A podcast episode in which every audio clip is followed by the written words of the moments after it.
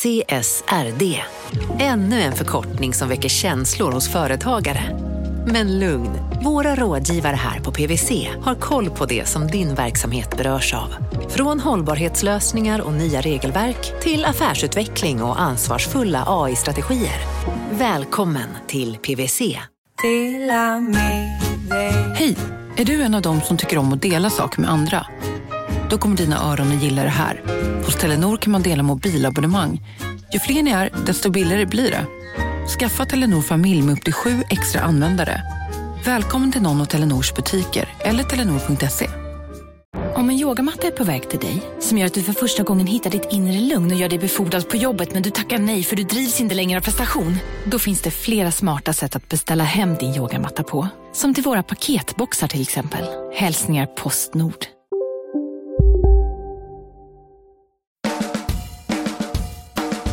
Från Monopol Media, det här är Kapitalet. Jag heter Åsa Secker. Och jag heter Gunnar Harrius. Gunnar, skänker du pengar till välgörenhet? Ja. Vilka ger du till? Eh, jag ger till, nu ska vi se så jag säger rätt här, Naturskyddsföreningen och kan de heta Svenska Freds? Det är någon sån där som heter typ så. Det finns en organisation som heter så i alla fall. Ah, Okej, Ja. ja. men då, då är det dem jag ger till. Eh, varför ger du till just de här två?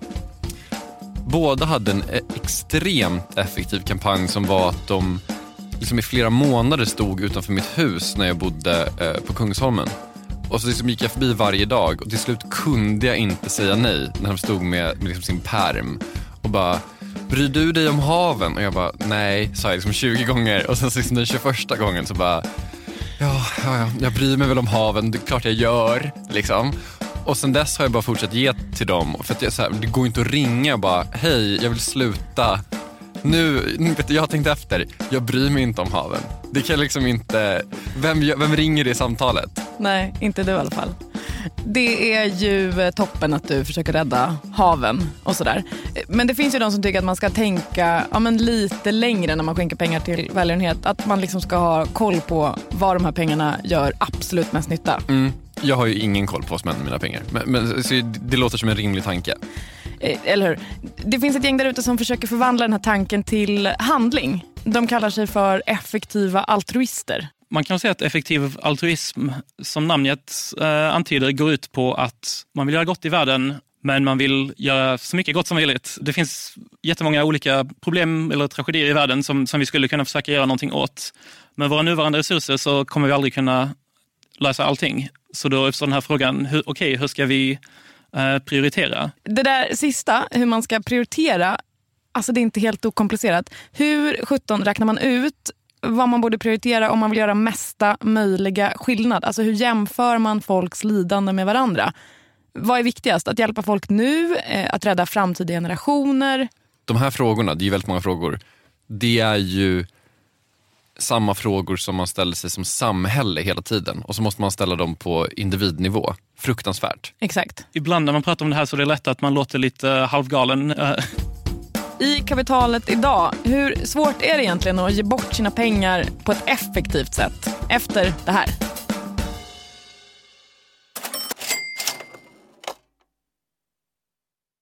Vi sponsras av Storbrand Asset Management som ju förvaltar över 1000 miljarder norska kronor, bland annat för SPPs eh, många pensionssparare. För två år sedan så investerade Storbrand i drygt 60 tåg, alltså tågvagnar, eh, som rullar mellan London och Skottland. De leasar sedan de här tågvagnarna till tågoperatören som alltså kör tågen och säljer biljetter och sånt eh, med ett avtal på 27 år. Så britterna får nya fina tåg och storbrandskunder, eh, däribland alltså SPPs pensionssparare, får en inflationsskyddad avkastning med låga risker under lång tid. Det här är ett av supermånga exempel på hur pensionskapitalet i växande omfattning bidrar till att bygga samhället och inte minst till att klara klimatmålen. Det behövs elproduktion, elnät, batteriparker, nya transportlösningar och allt möjligt. Bara i Europa antas investeringsbehovet för att klara klimatmålen uppgå till tusentals miljarder dollar. Och det här är ju pengar som ganska ofta saknas i statsbudgetarna. Däremot är det här pengar som pensionsbolagen kan vara med eh, och stoppa in, vilket ger pensionsspararna en fin avkastning under lång tid samtidigt som man är med och ställer om samhället. Vi har gjort ett helt avsnitt om det här eh, som man kan lyssna på. Det publiceras här i Kapitalet i mitten av maj. Ratta gärna in det om ni vill lära er mer om hur det här funkar. Men tack säger vi till Storbrand Asset Management som ju investerar i alla tänkbara tillgångslag, bland annat för pensionsbolaget SPP. Och tillsammans försöker ju vi, Storbrand och SPP, öka medvetenheten om hur pensionerna funkar och vilken roll pensionerna spelar i samhället och i ekonomin.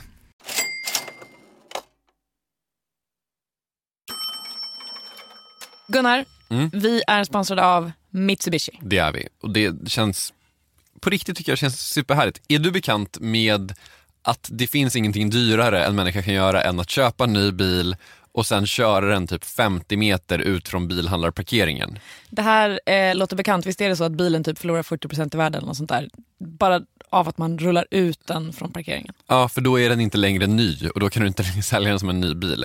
Och det är ju så himla himla ovärdigt att så här, köpa en bil jättedyrt, äga den och bara se värdet total rasa för att eh, sen försöka sälja tillbaka den till någon bilhandlare eller kanske ännu värre till någon privatperson som ska gå och stå på en parkering och sparka på däck och komma med skambud och sånt där. Ovärdigt är ordet. Det man istället ska göra det är att privatlisa en bil, vilket innebär att man eh, har bilen, kör bilen precis som vanligt, men man äger den inte. Eh, Det enda man gör är att betala en fast månadsavgift och i den ingår vinterdäck, service, försäkringar, all the good stuff skulle jag säga. När leasingperioden sen är över så lämnar man tillbaka bilen och om det är så att man leasar en Mitsubishi Outlander plug-in hybrid, ja, då har man i princip trollat bort de kanske största problemen som en bil annars medför. Här är Lotta Thulin, marknadschef på Mitsubishi i Sverige. Eh, jag har jobbat på Mitsubishi väldigt länge och sett hur privatleasingmarknaden har ökat enormt de sista åren. Och vad vi gör nu det är att erbjuda privatleasing på 18 eller 24 månader vilket gör att du har en flexibilitet i att kunna välja men också att det är en kortare period än traditionell privatleasing.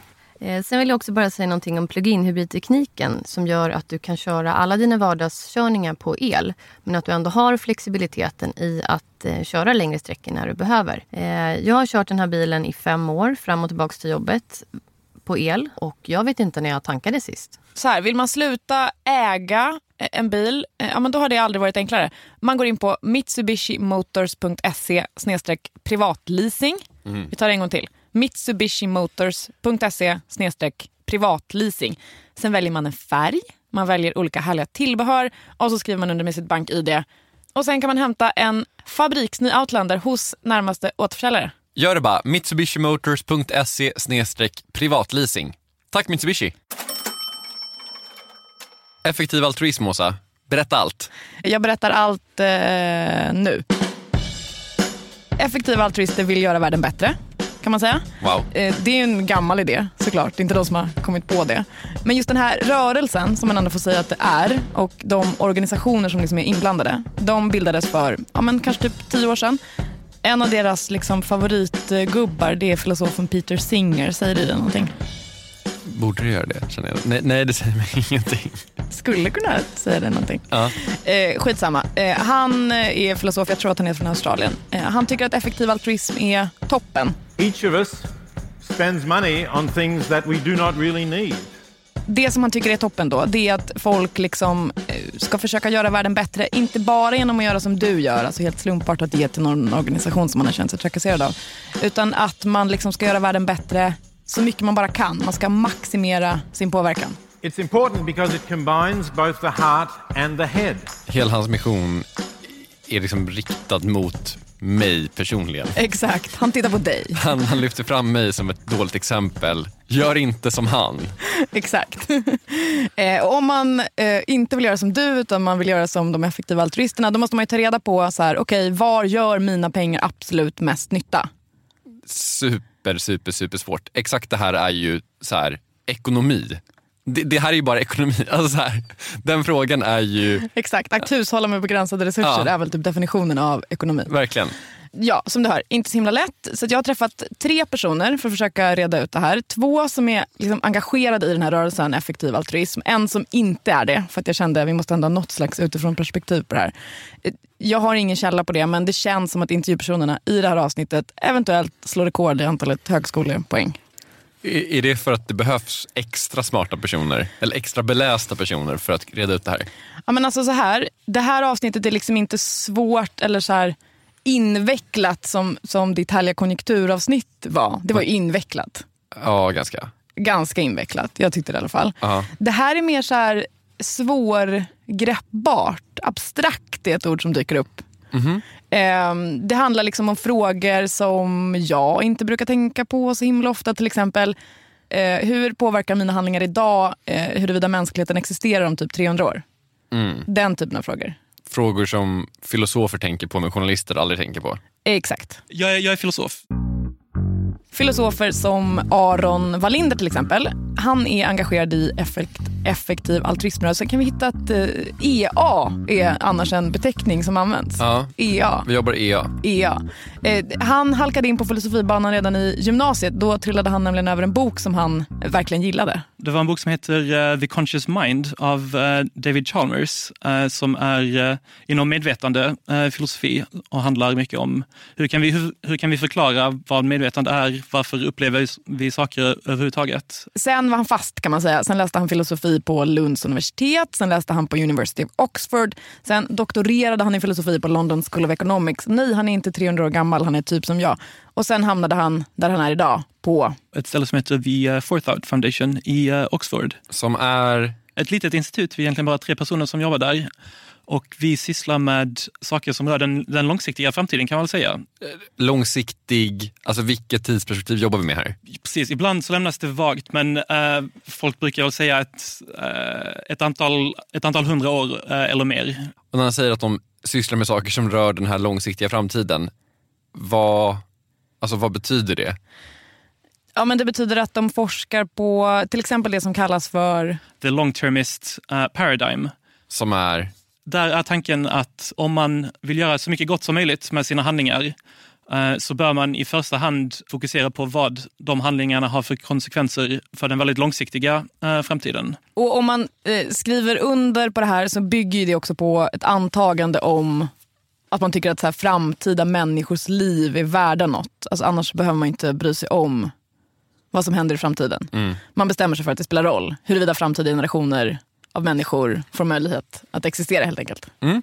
okej, det, det är liksom premissen. Det verkar ändå svårt, tänker jag. Alltså, går det ens att veta vad ens handlingar får för konsekvenser om 300 år? Det, det låter som, men du vet, världens banalaste butterfly effect-grej. Alltså, en fjäril viftar med sina vingar och jag vet inte, drottning Elizabeth invaderar Trinidad. Kan inte den storyn tillräckligt bra för att rätta dig i det här läget, men jag förstår var du vill komma. Det är inte så den går, så mycket kan jag Nej. säga. Aron Wallinder håller inte med. För, för, för vissa handlingar så, så, så kan man det. Eh, Så till exempel ett, eh, ett sätt att ha eh, påverkan över väldigt långa tidsramar är att minska risken för att mänskligheten dör ut. Om, om mänskligheten skulle dö ut så är det någonting som, som varar för evigt. Liksom. Då, då, då kommer vi inte till, tillbaka. En god poäng från Aron, absolut. Rädda mänskligheten får räknas som påverkan på lång sikt. Jag, jag, jag är med honom där. Eh, Min andra fråga då. Varför är det just framtiden man ska fokusera på om man nu vill göra störst skillnad eller störst påverkan? Man skulle kunna tänka att det vi ska göra det är att ha maximal påverkan exakt just nu. Lägga alla pengar på hela jorden på att komma fram till något HIV-vaccin eller någonting. Och så bara har man löst den grejen och räddat en miljon människor idag. Exakt, väldigt relevant fråga. Då kommer vi in på de här eh, riktlinjerna eller ramverk eller vad man ska kalla det som effektiva altruister då använder sig av, i alla fall eh, delvis, för att liksom välja ut områden som de fokuserar på. Och just nu så fokuserar de på tre områden varav det här med den långsiktiga framtiden är ett. De andra två är så här, global fattigdom slash hälsa och djurens villkor, framförallt djuruppfödningen och köttindustrin. Eh, bara innan vi fortsätter. När du säger att effektiva altruister håller på med de här grejerna. Hur vad ska man säga, sammanhållen grupp är de här effektiva altruisterna? Känner alla effektiva altruister varandra eller är det mer ett löst ram? Liksom, Alltså, jag har oklara källor på det här men mitt, mitt intryck är att det är lite ankdamm. De är en ganska liten rörelse som är koncentrerade kring ett ganska litet antal organisationer som alla verkar hålla till i England, i Oxford. Okej. Och det här då halvlösa till lösa nätverket av altruister har då kommit fram till att det är de här tre grejerna man ska hålla på med. hur i hela fridens namn kommer man fram till att det ska vara exakt de här tre? Det kan verka som en omöjlig uppgift men samtidigt så måste man ju börja någonstans. Det är här som det här då så kallade ramverket kommer in. På engelska så är det neglectedness, tractability och eh, scale.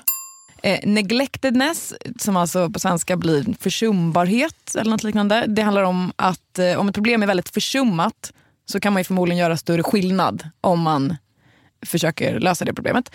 Eh, det andra är tractability som är typ så här, lösbarheten. Alltså hur svårt det är att lösa det här problemet som helhet.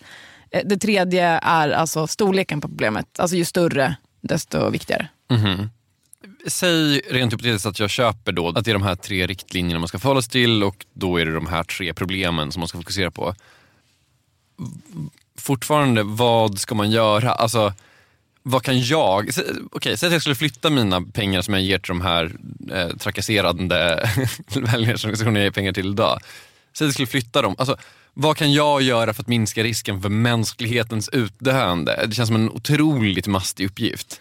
Ja, så kan det kännas. Aron Wallinder tycker tvärtom faktiskt. Han tycker att det är lättare att minska hotet mot mänsklighetens överlevnad än att försöka göra andra grejer som ska ha positiva konsekvenser riktigt långt in i framtiden. Antag att eh, vi gör någonting nu som eh, gör att mänskligheten inte dör ut. Då kommer det påverka framtiden framöver eftersom mänskligheten fortfarande finns, äh, finns kvar. Medan om vi tänker på någonting som vi vill göra idag, det kan vara att äh, jag vet inte, försöka utrota malaria eller försöka undvika äh, krig mellan supermakter eller det kan vara försöka bygga bättre institutioner för internationella samarbeten och så vidare. och så vidare. Där känns det betydligt svårare att säga vad de här handlingarna kommer ha för påverkan på hur världen ser ut om, eh, om 300 år. Det kan vara så att du gör någonting idag eh, som Eh, jag vet inte, till exempel du försöker starta upp ett, ett FN som, som, som funkar bättre än, än nuvarande FN, men eh, 50 år senare så... Kapitalet sponsras av Master Exchange, plattformen där du som privatperson kan investera i låtar och får pengar varje gång de här låtarna spelas. Eh, vi berättade ju senast eh, om barnlåten Puff the Magic Dragon som noterades av Master Exchange under våren. Nu har utdelningen på den låten kommit, eller royaltyn som vi säger i musikbranschen. Eh, den ligger på drygt 12% i årstakt och det här är ju en avkastning som är helt okorrelerad till eh, börsen. Till och med Goldman Sachs har börjat skriva om just musik som investering eh, just ur det här perspektivet. Nu finns en möjlighet att investera i en ny låt. Eh, låten heter Boss Bitch och den är av Doja Cat som, alltså jag ska inte säga att jag är superdeep här men det är ändå en, en, person som jag vet om det är. En, en världskändis. Den här låten gav baserad på förra årets spelningar en avkastning på drygt 13% Master Exchange har just nu en väntelista på registreringar. Det, det går lite för bra för dem kan man säga. Men Skriver ni in kapitalet som promo code så kan ni runda kön och ansöka om andelar i låten Boss Bitch ändå. Om ni investerar helt vanliga pengar, det är inget krypto eller sånt där, så vill du investera i musik och få en avkastning som är helt okorrelerad med börsen och kanske inte minst för att det är kul att äga låtar eh, så kan man gå in på masterexchange.com och använda kapitalet som promo code så går man alltså förbi kön. Kom ihåg dock att alla investeringar är förenade med risk, men vi säger stort, stort tack till Master Exchange. Kapitalet sponsras av Karla, Jakob. Ja, bilar igen. Ja, det är eh, härligt. På Karla kan man sälja sin elbil eh, på det gissningsvis smidigaste sättet i Sverige. Eh, Karla har ju ett nästan ett komiskt högt användarbetyg på Trustpilot. Mm. 4,8 av 5, vilket jag typ aldrig hört talas om. Nej, det är väldigt, väldigt högt. Eh, man knappar in lite info om bilen på sidan, sen får man en gratis värdering och ett bud. Accepterar du budet kommer Karla och hämtar upp bilen gratis och sätter in pengarna innan de kör iväg. Inget mer än så. Rätt fantastiskt. Nej, det är faktiskt ja. helt otroligt. Och eh, det kan bli ännu mer eh, otroligt än så. Eh, för att vi har nämligen en rabattkod som ger dig 2000 kronor extra för bilen. Så om du säljer din bil så får du två lax extra. Stämmer. Bara sådär.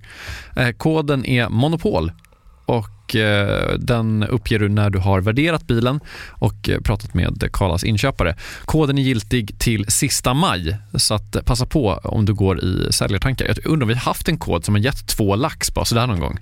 Nej. Det är helt otroligt. Man behöver en bil förvisso. Absolut, så det är inte, kanske inte bara sådär, men det är ändå 2000 kronor extra. Väldigt bra. Ja. Så sälj din elbil eller laddhybrid till Karla. Du får 2000 kronor extra med rabattkoden Monopol. Eh, hoppa in och kolla på karla.se, Karla Museet. Där kan man också köpa bilar ska jag tillägga. Verkligen. Vi säger stort tack till Karla. Eh, så är det här dött eller liksom, det har kommit något nytt eller, eller så här. Och hur löser man det då? Alltså, ska man bara släppa allt? Det verkar inte heller supersmart. Nej, alltså Aron menar då att det behövs mer eh, forskning, alltså mer forskning på hur saker kommer vara i framtiden. Om man vill förbättra offentliga institutioner till exempel, då kanske man måste forska på så här hur värderingar kommer förändras i framtiden och så vidare. och så vidare, och så vidare. Och så vidare. Alltså, förlåt, men det, är det någonting historien har visat så är det väl att ingen någonsin har haft rätt i en enda sak som har hänt i framtiden. Betyder inte att man inte ska försöka. Ja, det jag försöker säga att det i alla fall är otroligt svårt. Men om det nu är så himla lätt att minska risken för mänsklighetens utdöende, bara konkret, vad gör man? Rent konkret så har folk inom effektiv altruism som, som är intresserade av den långsiktiga framtiden eh, fokuserat på, eh, Eh, på en del olika områden. Så en, eh, ett stort område som, som vi har nämnt är så här eh, existentiell risk och hot mot mänsklighetens framtid. Där folk försöker se till så att olika teknologier som antingen existerar idag eller som möjligtvis kan komma att existera inom 50-100 år kommer att vara säkra och att vi kommer ha en, en bra nivå av förståelse när vi, när vi faktiskt når dit. Ehm, så en, en sak som folk oroar sig för där är eh, uh, utvecklingar inom artificiell intelligens. En annan är eh, bioteknik och eh, så här syntetiska eh, virus eller pandemier. Hur man kan minska risken från, eh, från sådana saker. Nu börjar jag komma lite ombord här med, på Aron-tåget. Jag är, jag är helt med på att man ska se till att den artificiella intelligensen inte mördar hela mänskligheten. Det, det verkar toppen. Men fortfarande, vad kan jag göra? Eh, alltså precis, just, just du kanske inte kan lösa just det här problemet om inte du bestämmer dig för jag vet inte, skola om dig. Jag vet inte vad man ska plugga för att lösa det här problemet. Datavetenskap? Frågetecken. Jag vet inte, något smart. Men effektiva altruister försöker ju inte bara rädda framtiden, som du kanske minns. De försöker ju också utrota den globala fattigdomen slash få till det här med global hälsa. Där kan ju du göra massor, mycket mer än du tror, om du tänker till lite, som du inte verkar ha gjort så här långt Nej. Hur man utrotar den globala fattigdomen efter det här. Åsa, jag vet att en fråga som gickat dig väldigt länge, en sak du skulle vilja ta reda på, det är att du skulle vilja veta hur duktiga världens alla lokalpolitiker är på att laga vägarna i deras respektive städer. Hur skulle du gå tillväga?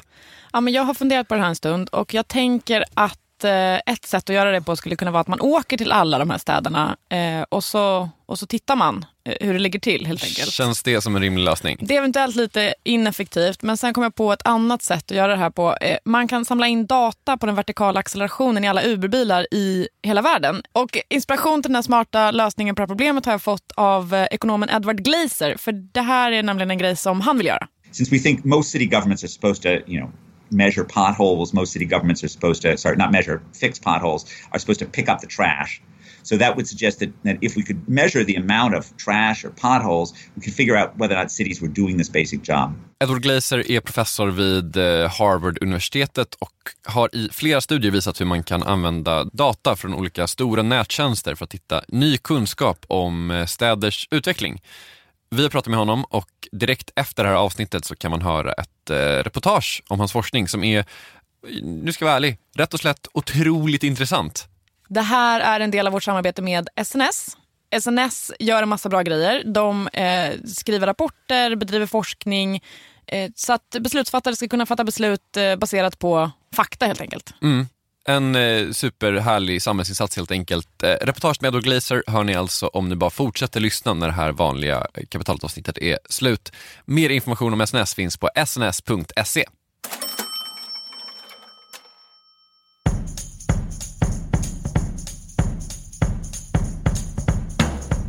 Så här då, effektiva altruister de vill göra världen bättre. Men till skillnad från mig då så vill de inte göra det helt slumpartat utan de vill göra det så effektivt det bara går. Därav effektiv altruism, EA. Nu har vi pratat om hotet mot mänsklighetens existens. Det vore ju verkligen toppen om vi kunde minska risken för att mänskligheten dör ut. Jag är helt med där. Men vi kom också fram till att det kanske är ganska svårt för mig just att fixa det problemet. Så vad kan jag göra? Eh, väldigt relevant fråga. Eh, jag tänkte att Gustav Alexandri skulle få förklara det för dig. Han är nationalekonom och eh, prepare yourself, han pratar väldigt fort. Jag heter Gustav Alexandri. Eh, jag jobbar för en organisation som heter Global Priorities Institute och vi forskar på hur man kan förbättra världen så mycket som möjligt. Gustav Alexandri eh, har också jobbat med den ideella föreningen Effektiv Altruism Sverige. Det finns väldigt många som har en, liksom, en motivation att förbättra världen. Eh, men det är väldigt svårt att göra det här. Ehm, och det vi försöker göra då, det är att hjälpa folk att välja en karriär där de kan göra mycket nytta. Liksom, vilka problem ska de fokusera på? Eh, vilka lösningar ska de använda för att lösa de här problemen? Och också hjälpa folk som vill donera pengar. Hur, hur ska de välja när de gör det? Och så vidare. Mm, jag kanske är överdrivet självcentrerad här, men jag vill gärna inte släppa det här med mig. Eh, jag vill kanske skänka 500 spänn till välgörenhet varje månad ungefär. Det är ju typ det jag skänker nu. Säg då att den här 500-lappen ska göra maximalt med nytta. Vad gör jag? Så jag tror att det första som är bra att liksom inse är att det är, finns väldigt många problem i världen och det är bra att inte låsa sig från början utan att vara öppen för att det finns många olika problem. Eh, så den frågan man först bör ställa sig då är så här, av alla de här problemen, var kan jag göra störst nytta?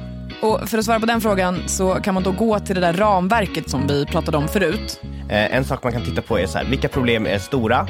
En annan sak är vilka problem är lösbara? Och en tredje sak är vilka problem är då försummade av andra? För att det är ofta de problemen där man själv kan göra störst nytta. Kul parentes, apropå det här med att fokusera på problem som är försummade. Vet du vart riktigt rika människor brukar vilja skänka sina pengar? Um, i USA känns det som museum, att man får en, en, en flygel på ett museum.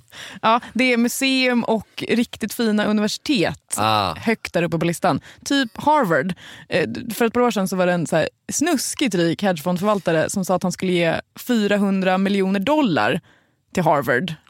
Nu kanske jag är cynisk, men visst är det bara för att få då The Gunnar Harjus Library eller någonting? Eller för att man vill muta in sina ungar. Det är också... Ja en grej man gör. 100 procent. Ja. Alltså, det är en jättefet donation, men man missar ju helt den här idén om att man ska skänka pengar till försummade problem. Harvard är alltså världens kanske rikaste universitet, sitter redan på runt 20 miljarder dollar i donationer. Slut på parentes om snuskigt rika människor. Nästa steg. Eh, nästa steg då eh, är att titta på, när man väl har valt ett problem, hur ska man bära sig åt då? Vilken lösning ska man använda? Så om vi då eh, tar global hälsa som ett exempel, där finns det naturligtvis jättemånga olika saker man kan göra. Eh, och det visar sig att skillnaden mellan de här olika lösningarna varierar väldigt mycket. Så, så det kan vara så till exempel att om du tar två slumpmässiga liksom, program för att förbättra hälsa på olika sätt så kanske det ena är hundra gånger mer effektivt än andra. Och då gäller det att vara väldigt noga att man väljer rätt, för att om man väljer fel då tappar man liksom 99 procent av värdet som man kunde uppnått. Det här skulle jag säga är lite av så här kärnan i eh, effektiv altruism. Alltså att man ska fatta att det spelar roll vem man skänker pengar till. Alltså att det gör jättestor skillnad. Inte så bara att man ska välja en organisation medvetet utan du ska så verkligen gå in och jämföra. Det finns någon studie som någon effektiv altruist har gjort vid något tillfälle som visade att en effektiv organisation kan vara tusen gånger bättre, alltså leverera ett tusen gånger bättre resultat än en ineffektiv organisation. Eh, och om man tänker på att det samlades in nästan 9 miljarder kronor till välgörenhet i Sverige förra året så fattar man att det spelar roll var de där pengarna hamnar. Antingen så gör det då, um, sa var det tusen gånger skillnad? Mm. Precis, antingen gör de då 9 miljoner kronors skillnad eller 9 miljarder kronors skillnad. Exakt. Wow. Men så här då, alla håller ju med om att det är mycket bättre att hitta en bra organisation än hitta en dålig organisation. Alltså alla, alla, alla håller med om det. Det är en så kallad öppen dörr. Verkligen, men det är ju jätte, jättesvårt att ta reda på vad en, ens organisation gör. Och jag tror att det bästa tillvägagångssättet där är att titta på forskningen helt enkelt. Eh, och om man inte vill läsa igenom den forskningen själv så är ju min rekommendation att titta på andra som har gjort det. Då. Nu kommer vi till en grej som alla exakt alla effektiva altruister verkar upprepa som ett mantra. Så en organisation som man kan titta på är en amerikansk välgörenhetsutvärderare som heter Givewell. Och det de gör är då helt enkelt att titta på forskningen, sen försöka identifiera välgörenhets organisationer som jobbar med program som, är, som verkar väldigt effektiva enligt forskningen och så rekommenderar de dem. De, ut, de tittar också väldigt noga på hur de här organisationerna implementerar programmen så att det verkligen funkar effektivt. Då tänker jag på två saker. Ett, det här låter toppen. Men man hamnar ju också väldigt, väldigt mycket i händerna på en enda amerikansk organisation och vilka program de väljer att utvärdera och så vidare. Och så vidare. Ja, eh, det ligger någonting i det. Och det, det, inom FTV altruiströrelsen så finns det ju gott om nördar som gillar att liksom titta på och försöka göra den här researchen själv. Eh, så om man nu vill göra det själv, Eh, så är väl mitt tips att eh, försöka fokusera på rätt saker då. Så jag tror att en, en vanlig missuppfattning som, som när folk tänker liksom, effektiv välgörenhetsorganisation är att man tittar på det här med administrationskostnader och man tittar på hur mycket chefen tjänar. Eh, men så skulle man ju aldrig resonera i, i andra liksom, eh, konsumtionsval till exempel. Så om jag ska köpa en telefon, eh, då frågar jag mig inte vem har högst lön, Apples VD eller Samsungs VD, utan det jag frågar mig är hur mycket värde får jag för de pengarna som jag stoppar in i den här produkten. Eh, och likadant då med välgörenhetsorganisationer så gäller det att tänka på okej, okay, vad är det för program som de här organisationerna implementerar? Finns det verkligen stöd i forskningen för det? Och i många fall så visar det sig att det inte gör det och faktum är att, att det verkar som att de flesta program, eller åtminstone väldigt många program, inte fungerar. Um, så, deppigt. Väldigt deppigt. deppigt. Så, så det finns en hel del studier som försöker titta på liksom, vilken, hur stor andel av alla eh, program fungerar. Och det här kommer naturligtvis aldrig vara en exakt eh, liksom, vetenskap för att det kommer bero på vilka interventioner du väljer ut i ditt urval från början och så vidare. Eh, men det är i alla fall inte en negligerbar andel. Ja. Min andra fråga då. Om man ska gå på den här linjen och bara välja det som är superutvärderat, superkontrollerat och så vidare. Alltså, det känns som att man bara per automatik kommer att ge pengar till sånt som är väldigt mätbart. Och jag tänker att det finns väldigt mycket i bistånd eller i välgörenhet som kanske inte är så mätbart utan som är mjuka värden helt enkelt. Ja men exakt. Eh, och jag eh, har ställt den här frågan till båda de här effektiva altruisterna som jag har träffat. För typ demokrati, jag vet inte, så här, pressfrihet. Mm. Mycket svårare att mäta än så här, hur effektivt är det här myggnätet? Eller det här vaccinet. Ja men exakt. Ja. Eh, och då tillstår väl de lite grann att så här, jo visst det blir ett visst fokus på det som är mätbart. Men samtidigt så är de ju liksom ett helt gäng eh, såna här effektiva altruister som till exempel Aron Wallinder då, som fokuserar fokusera på den långsiktiga framtiden. Och det om något är ju så svårt att mäta effekten av. Även, även om effektiva altruister ofta försöker få så bra evidens eh, som möjligt så är man också villiga att eh, ta sig an andra saker som verkar potentiellt sett eh, kunna vara väldigt, eh, väldigt viktiga även om, eh, även om det är svårare att få eh, lika bra evidens. Så det, det, är lite både och det där med det mätbara. Men tillbaka till vad du ska göra då. Alltså, du får rätta mig om jag har fel. Men jag tvivlar på att du skulle liksom, i syfte att vara oberoende från den amerikanska organisationen skulle sätta dig och försöka ta reda på allt det som Givewell redan har tagit reda på. Korrekt uppfattat.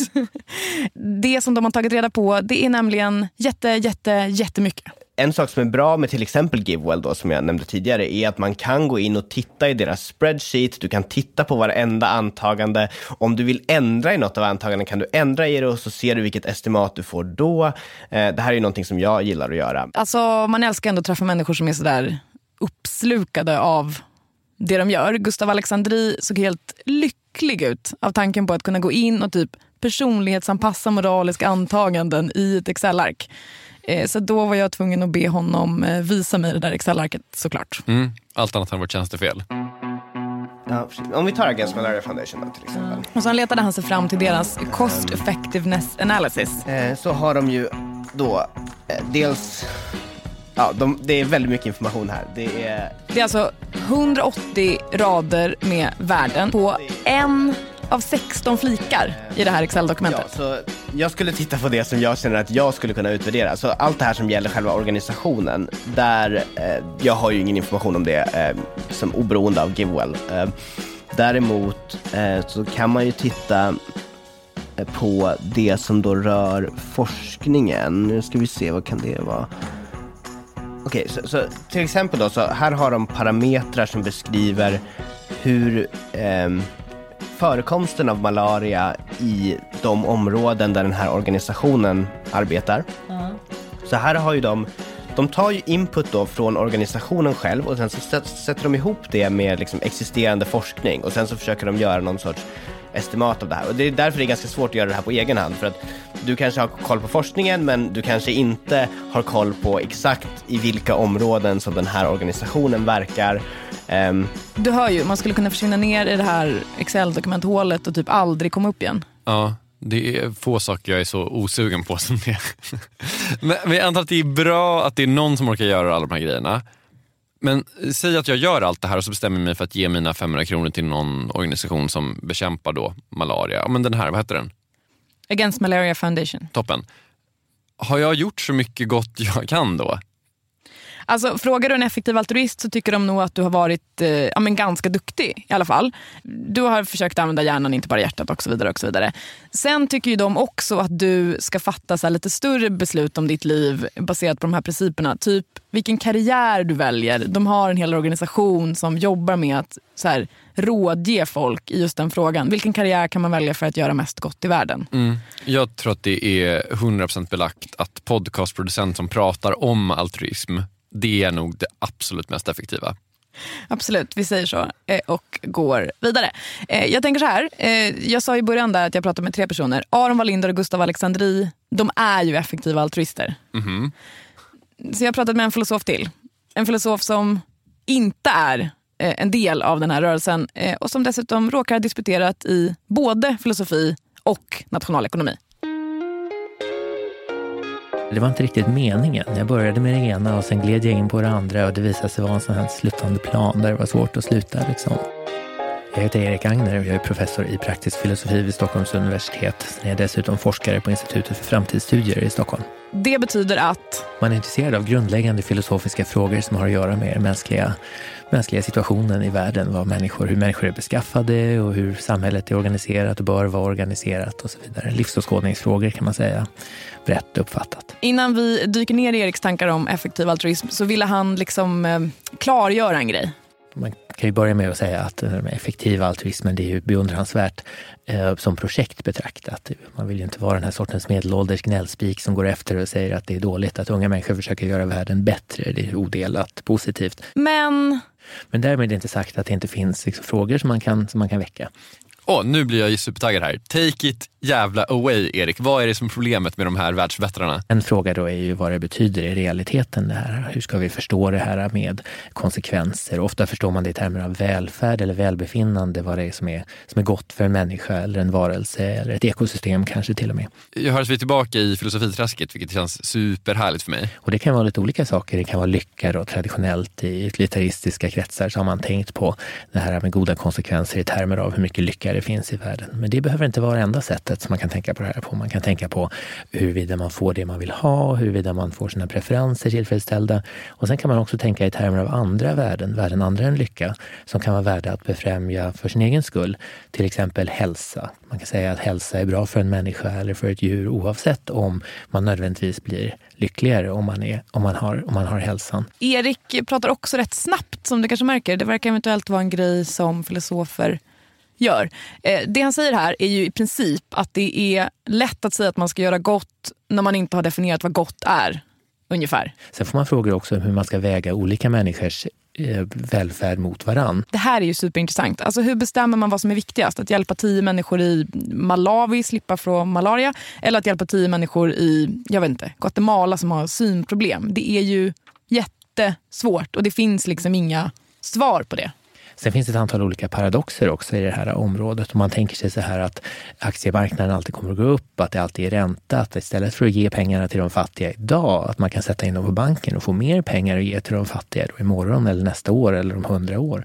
Då kan man under vissa omständigheter få slutsatsen att man aldrig ska ge pengar till de fattiga utan att man alltid ska investera med eh, siktet inställt på framtiden och det blir ju omedelbart eh, absurt. Okej, det där känns lite hypotetiskt för det finns väl inga effektiva altruister som säger att man ska tänka på det sättet. Nej, precis. Gör ju inte det. Eh, jag tror att poängen som Erik Agnen försöker göra är att så här, visst, det är toppen att vilja göra världen bättre. Men hela den här rörelsen eh, bygger också liksom på en massa obesvarade frågor. Men det betyder inte att det är ett misstag att försöka ge sig in i projektet. Man kan inte vänta på att alla filosofiska problem ska vara besvarade innan man börjar göra någonting för att förbättra världen. Tvärtom tror jag man ska dra slutsatsen att de här två projekten är sammanflätade. Det praktiska projektet att förbättra världen hänger ihop med projektet, det filosofiska projektet, att klura ut vad det är som är människans natur och hennes roll i samhället. Och eh, även, skulle jag säga, intellektuellt ärligt på någon nivå att, att vi faktiskt inte vet vad vi bör sikta mot. Liksom.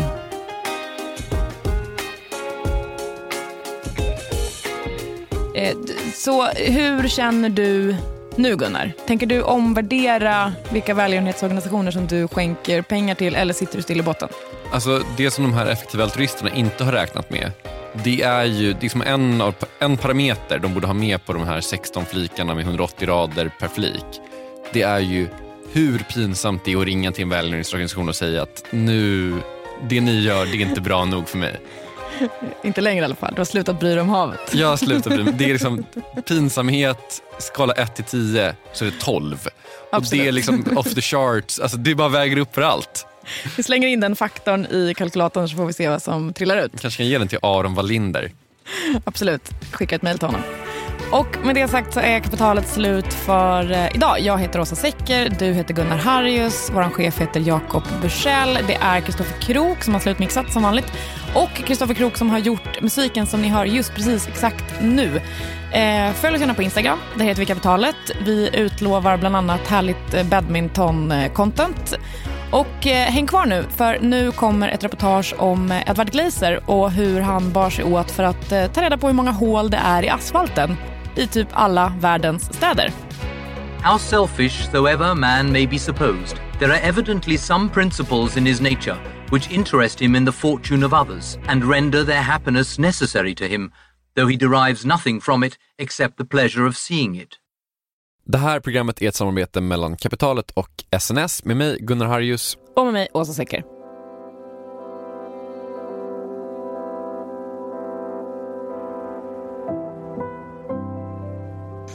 Um, you know, I had been asking, now it's maybe for 12 years. Det här är Edward Glaser, professor i nationalekonomi vid Harvard-universitetet. I had been seeking uh, an ability to measure um, the quality of government in a in a very um, concrete way across cities, perhaps globally, for at least 12 years. And I had asked friends of mine who were in the you know, related to computer science, are we getting to a point in which the quality of computer vision is such that you can pot you can spot potholes or garbage on the street by space? Du vet vad potholes är va? Mm. Alltså hål i asfalten, fysiska hål. Exakt. Edward Glaser har eh, i ett gäng år intresserat sig för städer, städers utveckling. Mm. Inte bara städer i USA utan mer så här städer överallt, staden som koncept. Staden med stort Staden, S. staden Ja. med stort S. Staden Exakt. och människan, verkligheten. Exakt. Eh, Alla länder i världen är ju inte som Sverige. Vi har sparat vartenda papper sedan Westfaliska freden. Vi är helt enkelt väldigt duktiga på att samla in och publicera offentlig statistik om exakt allt. Men i många länder så finns det ju kanske inte någon myndighet som håller på med det där. Och då tänkte Edward Glaser så här, det kanske finns andra sätt. Så här. Man kanske kan mäta en stads utveckling efter så här, andra grejer, grejer man kan se. Så här. I vilken utsträckning lagar man hål i gatorna? Hur duktig är man på att plocka upp sopor? Och då kanske man kan tänka så här, tänk om man kunde göra det här med hjälp av satellitbilder. Då skulle man inte behöva någon statistikmyndighet överhuvudtaget. Då kan man bara kolla på de här bilderna, se före och efter. Här var det ett pothole, nu är det inte längre ett pothole där. Briljant. Eh, och man är ju inte heller i händerna på en statistikmyndighet som ja, man kanske är lite korrupt om vi ska vara helt ärliga. Inte i Sverige. Inte i Sverige. Nej, nej. nej, gud. Så Edvard eh, frågade runt om eh, så här, är tekniken mogen för det här? Kan man se sopor från rymden? And for many years, I got the answer back, no, no, we're not there yet. And then about six years ago, one of my friends said, yeah, you know, we're, we're finally at a point where we can measure this.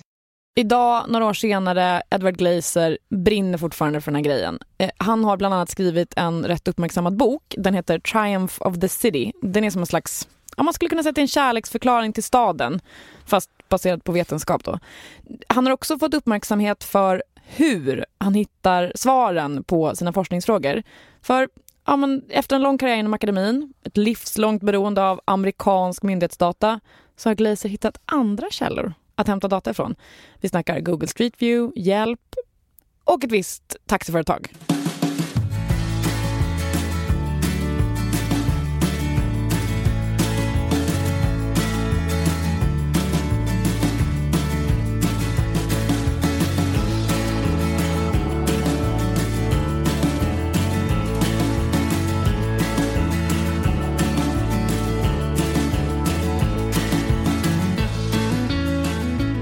Så här, Edward Glazer, en stjärna. Han finns citerad i princip alla internationella affärstidningar. Han föreläser på South by Southwest, den här übercoola konferensen slash festivalen slash happening-grejen som är i Texas va? Austin. Nej? Austin, Austin Texas. Yes. Och för att få in liksom så en halvtimmes intervju i hans packade schema så fick hans assistent så rota i kalendern med så två månaders framförhållning. Jag vill bara att vi ska liksom ha det klart för oss. Bra. You know, I got uh, interested in economics uh, as a as a child when I would go to classes with my mother when she was getting her uh, MBA at Columbia in uh, the 1970s. Edward Glazer kommer alltså ihåg när hans mamma kom hem från universitetet och berättade för honom om Bertrand-modellen. Vad är Bertrand-modellen, Gunnar? Eh, det är, kan man säga, en nationalekonomisk teori, frågetecken, modell om hur priser uppstår på en marknad med konkurrens. Exakt. Men när Edward sen själv blir äldre så är han mest intresserad av en karriär på Wall Street som man kanske är för det är där man tjänar pengar. Han läser lite ekonomi på college och forskaryrket är mer som en, så här, en backup-plan som han har. And um, the crash of 1987 happened, uh, which made Wall Street look considerably less appealing. Uh, and I went to the University of Chicago after that. And, and that was where I really completely fell in love with economics. And it was really teachers like Gary Becker and Robert Lucas who really uh, helped me understand how economics could be used to sort of make sense of so many different puzzles from understanding crime to voting behavior to uh, economic growth and poverty. Uh, and that was the moment in which sort of I, I, really fully fell in love with economics as a discipline and I've never fallen out of love with it. Ja, så han börjar forska helt enkelt. Eh, först om bostadsobligationer det som han kallar för informationsasymmetrier i marknaden för bostadsobligationer. Vi går inte in på närmare vad det betyder. Sen blir han nyfiken på städer eh, och varför den ekonomiska tillväxten skiljer sig mellan olika städer. Och det här är då i början av 90-talet. Eh, ekonomerna intresserar sig väldigt mycket för ja, men hur kunskap och humankapital kan bidra till ekonomisk tillväxt. And we thought by comparing across different cities in post war America, we could test some of these ideas where there are real scale economies to having particular clusters of industries. Did those generate dynamic externalities and long run growth? Or was instead industrial diversity more important? So the, the cross fertilization of ideas from one industry to the other. Was competition more important or monopoly? Um, this generated our, our you know, paper growth in cities, which showed that competition was very valuable for long-term growth. Having lots of little firms was much better than big firms, uh, and that industrial diversity was quite helpful for, for long-term growth. Okej, okay, man kan väl säga så här, det här är liksom Glaciers inkörsport till intresset för städer och städers utveckling. Men sen har det gått 25 år och världen förändras på 25 år. Eh, och då är vi liksom tillbaka lite där vi började, nämligen var 17 hittar man statistik om en stad? Jag tänker då kanske färgad av att jag är svensk, att man går väl bara till Statistiska centralbyrån helt enkelt och säger Hej kan jag få all statistik ni har tack? Eller så kanske man går till jag menar, Riksarkivet eller någon kommun eller någonting. Eller så kanske det är någon, någon driftig lektor på ett universitet som har bara samlat ihop allt det här åt en och så säger man tack, tack. Exakt, det var precis det som Edward gjorde. back then, uh, you know, we were using, uh, uh, it still gets used, we were using county business patterns to look at, at uh, growth patterns across cities. So county business patterns is still a, a, a, useful thing to have. It goes back for a while. We had to hand code uh, a lot of the data from the 1950s, and we screwed up a bit in the hand coding in the early days. We finally got it right. Um, but we, it was a less data rich environment, certainly. Alltså det här som han pratar om, County Business Data, det är liksom en del av Census som då är den amerikanska folkräkningsstatistiken. Ungefär då motsvarigheten till eh, Statistiska centralbyrån? Ja, men något sånt. Men, men nu uppstår ju också det här eh, problemet som Edward eh, har brottats med en del. För att han var intresserad av städers utveckling. Då vill man ju ha aktuell data. Men han var ju liksom intresserad av städer över hela världen, som vi sa i början, inte bara i USA. Och det finns ju liksom inte myndigheter som räknar på ojämnheter i asfalten i exakt alla världens länder. Vilket är skandalöst i sig, men det leder också till då att Edward behöver en ny typ av datakälla. Exakt. Och till slut då så är tekniken mogen och då snackar vi alltså satellitteknik för att se sopor från rymden. Den tekniken är mogen.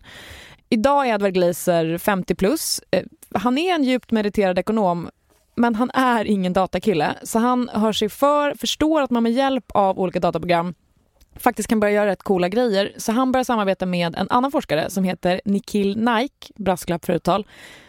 Om vi får uttrycka det lite trubbigt, han är ett datasnille. De gör en massa saker tillsammans, men något de experimenterar med tidigt är Google Street View. Vilket alltså är eh, bilder som Google tar från en bil med en kamera på taket där man kan se eh, i princip varenda gata på hela jorden. Exakt, man tar den lilla gula gubben på sin Google Maps och så sätter man den någonstans så får man se hur det ser ut på riktigt. Och så kan man typ gå runt i olika städer fast på internet. Exakt. De tog eh, tusentals sådana här bilder tagna i New York eh, 2007 och 2015 och sen byggde de ett dataprogram. Jag gissar att det var Nikhil som byggde dataprogrammet. And so you essentially use machine learning techniques to then connect the Google Street View images with anything that is geographically uh, delineated. So you have income by block in the from census data, or you have housing prices by area or by building. Um, you have we started off with using this this uh, street score data, which was crowdsourced data on uh, whether or not people thought neighborhoods looked safe or not safe. That's where Nikhil Naik started. I actually didn't, I had nothing to do with that originally. Um, and what you do is you take the, the data that you, you want to use as the core of the model. So income, housing prices, the, the street score, and then you use a machine learning computer vision algorithm to essentially predict the, the, that data with the pixels. Datorerna får alltså kolla på alla de här bilderna eh, på olika kvarter i New York och samtidigt kolla på statistik på hur mycket folk tjänar i samma område, hur höga bostadspriserna är och om folk upplever att den här platsen är säker eller inte. Och sen så låter man datorn titta på gatubilder från städer som den aldrig har sett förut och utan tillgång till all den här andra statistiken. Och då är frågan om datorn utifrån de här bilderna kan gissa vad folk har för inkomst, hur höga bostadspriserna är och om folk känner sig säkra i området eller inte. Alltså det här, det här är ju vad maskininlärning går ut på helt enkelt. Um, the answer is in predicting income in New York, you can do really extremely well. You can predict about 80% of the variation in income across uh, blocks in New York with the images. You really can tell from the street if this is a rich neighborhood or a poor neighborhood. And the New York trained data works quite well, uh, even if you applied it to another similar city like Boston. So that was, that was considered a real success. Vilket är helt sjukt. Verkligen. Backar man två steg så kan man säga att Glazers och Nakes eh, experiment med den här Google-datan, det är ju ett exempel på hur samhällsvetare kan använda sig av ja, men, balla grejer. Big data-grejer. Big data-grejer. Öppnar man ögonen så ser man ju att i princip alla hypade företag idag bygger på att så här, samla in och slå mynt av information. Facebook, information om människor. Spotify, information om människors musiksmak. Google, information om ja, Exakt allt, allt någonsin. Exakt allt. Det här är liksom affärsmodeller som skapar ja, men helt otroliga värden för bolagens användare och ägare. Tänk om de också kan skapa oerhörda värden för sådana som Edward Glaser och i förlängningen ja, men samhället. Ja, alltså man kan ju tänka sig Alltså så här är det om vi ska vara ärliga, att mycket av den data som kommer från typ Facebook och Google får ganska mycket kritik för att de samlar in det här. Men det är ju också så att en lite oväntad grej med det här är att de samlar in data på ställen där det typ inte finns en statistikmyndighet eller där liksom myndigheterna inte för statistik helt enkelt överhuvudtaget. Och då är det så bara att den data som finns från vissa länder är typ Facebook-data eller Google-data och då kan man använda det till att täppa till kunskapsluckor som typ forskare inte har kunnat ens se fanns innan. Och en annan grej dessutom då att den här datan är ju hela tiden uppdaterad. Om man jämför med typ en statistikmyndighet, de kanske ringer runt till folk eller de eh, gör en prognos för femte år. Men så här, Google Maps-data, det kommer nytt hela, hela, hela tiden. Exakt. Och om du är eh, lokalpolitiker i en stad någonstans, ja, men då kanske det inte duger med data som är fem år gammal. Eh, så att en annan datakälla som Edward och hans kollegor började använda, eh, det var hjälp. Vet, vet alla vad hjälp är? Det är liksom inte svinstort i Sverige känns det som. Jag tror inte det heller. Alltså, okay, men det är typ som hitta.se fast du kan sätta betyg på exakt allt. Alltså man recenserar företag och alltså du kan recensera typ Frihetsgudinnan. Du kan, du kan recensera allt. Allt går att recensera på hjälp. Man recenserar ju saker utifrån en karta också. Väl? Precis, ja, ja, så kan man gå runt och hitta saker som är bra. Yelp gives you some idea of what's happening in a neighborhood now. Um, in this case, what you need to do is you need to find some era where you know you actually have data that that is the core data that you want. So gentrification, housing prices, uh, economic activity, um, and you need to train the algorithm again on this. It's actually easier to train on Yelp than it is to train on images. Um, so you can train on you know the number of different uh, uh, you know, stores of a variety of different forms. You can train by what type of store. You can train by the number of reviews, and uh, you then use that to predict the amount of economic activity that's going on. So uh, it doesn't do a perfect job, but it does a not not bad job at all, both at the county level, at the zip code level, and at the below zip code level. Um, you can actually predict what's going on in the local economy by using the number of Yelp openings and closings and what type of Yelp stores are. So, for example, uh, it turns out things like vegetarian restaurants are reasonable predictors of, of gentrification. Okej, det är gentrifiering och vegetariska restauranger. Eh, finns det andra grejer man kan kolla på? Men ja, alltså man kan använda det här till så mycket olika grejer. Han berättade till exempel att en av hans studenter använde data från Airbnb för att kolla på vilka som är vinnare och förlorare på bostadsmarknaden. Eh, själv så har han eh, tittat på klagomål på vattenförsörjningen i Zambia och hur det hänger ihop med så betalningsströmmarna i Zona som är ett sånt nätverk för mobila betalningar. Men det han är mest entusiastisk över just nu, det är ändå den här idén om att kunna studera antalet såna här eh, hål i asfalten, potholes, och eh, sophanteringen i städer. Since we think most city governments are supposed to, you know, measure potholes, most city governments are supposed to, sorry, not measure, fix potholes, are supposed to pick up the trash. So that would suggest that, that if we could measure the amount of trash or potholes, we could figure out whether or not cities were doing this basic job.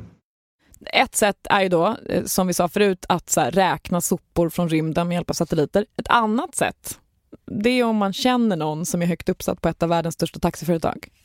One of my, my former students is now the chief economist at Uber. And so my passion for measuring potholes has led us to a project where we're trying to use Uber's data on vertical acceleration, which is how bumpy the ride is, to basically measure the quality of, of roads, I, hopefully every place that Uber drives. Okej, okay, alltså det man gör det är att man samlar in data från mobiltelefonerna i Uberbilarna. Telefonerna mäter tydligen den vertikala accelerationen, alltså hur mycket telefonen rör sig upp och ner. Och plötsligt då, menar Edward Glazer, så blir det ju jättelätt att mäta hur duktig en stad är på att laga vägar. Eller mäta så här, hur mycket restiderna förkortas när vägarna faktiskt har blivit lagade. Alltså genom att bara kolla på hur många gånger en mobil har skakat typ? Exakt. Det är helt, det är faktiskt otroligt. Det är eh, otroligt, men det finns såklart också eh, problem, för det gör det alltid. Dels är det liksom svårt, det har vi varit inne på. Edward Glaser menar att den här typen av data från till exempel hjälp, eh, som vi pratade om förut, måste ju behandlas väldigt mycket innan den är användbar. Men sen finns det ju ett väldigt, väldigt uppenbart problem och det är att datan är ju privat. Som vi var inne på, att den här datan är ju det som de här företagen säljer, det är ju det de livnär sig på och då kanske de inte vill ge bort dem helt gratis till någon akademiker. Ja, det är ju en grej. Men sen finns det ett annat problem. Alltså om du får loss den här datan, om du nu mot förmodan skulle få det, då finns det ju liksom en trovärdighetsfråga i det här. Alltså vad är det för data du får? Och bara att den frågan liksom kan ställas gör ju det här eh, knepigt för forskare. Datan från hjälp har man liksom bara kunnat ta från nätet, samma sak med Airbnb. Och i fråga om Uber eh, så har man ju fått datan från företaget. Men det som gör att det liksom ändå funkar i just det fallet det är att man är bara intresserad av hål i gatan. Alltså man är inte intresserad av så här, hur Uber behandlar sina kunder slash chaufförer slash massa andra grejer som Uber kanske inte skulle vara så intresserad av att dela med sig av. There is no way, I mean, our, our job with this data is to measure the quality of roads. It's not to assess anything about Uber. So the Uber data is being used incidentally to measure roads, not to not so there's no public policy question that directly relates to Uber, except insofar as maybe Uber likes it if we point out that some cities are having bad roads and that in, that you know inspires the cities to make their roads better. But it, it doesn't create any conflict with the company in that use. But anytime you're actually trying to measure what the company does, that's where you're in, in gray territory, and that's where you have to watch out. Um, so in, in those cases, it becomes safer in, in many ways to actually get the data independently rather than to work in partnership with the company. Nu har jag läst noll högskolepoäng eh, statistik, men det känns ju som att det här Alltså den här datamängden, när man börjar tänka på vad den skulle kunna göra om man bara kom åt den och bara man liksom tänkte på den på rätt sätt och behandlade den på rätt sätt. Det känns som liksom det skulle kunna öppnas världar av eh, väldigt användbara analyser. Verkligen. Tänker du på några särskilda världar som öppnar sig i ditt huvud just nu? Ja men eh, du är ju en stark elsparkcykelåkare till exempel, det finns säkert grejer, alltså så här, problemet med det här är att jag vet ju inte vad det är man skulle kunna mäta men det känns som man skulle kunna mäta grejer med det om man bara kunde så här, eh, liksom para ihop det med rätt grej eller så här positionsdata från fotgängare eller vägtullar eller parkeringsappar.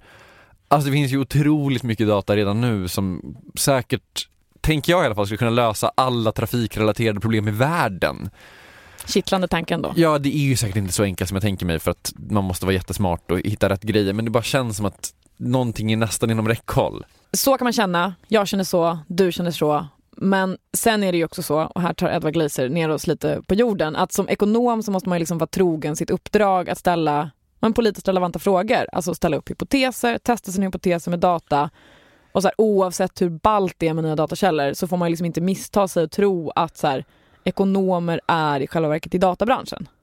And so cool uses of private data, satellite imagery, Google Street View, Uber driving, all of this stuff is vital for measuring these cities. And uh, I just want to end with sort of a pitch that this is where this sort of exciting fringe data is likely to have the most impact for actually improving the lives of millions of people on this earth. And that ultimately is the goal.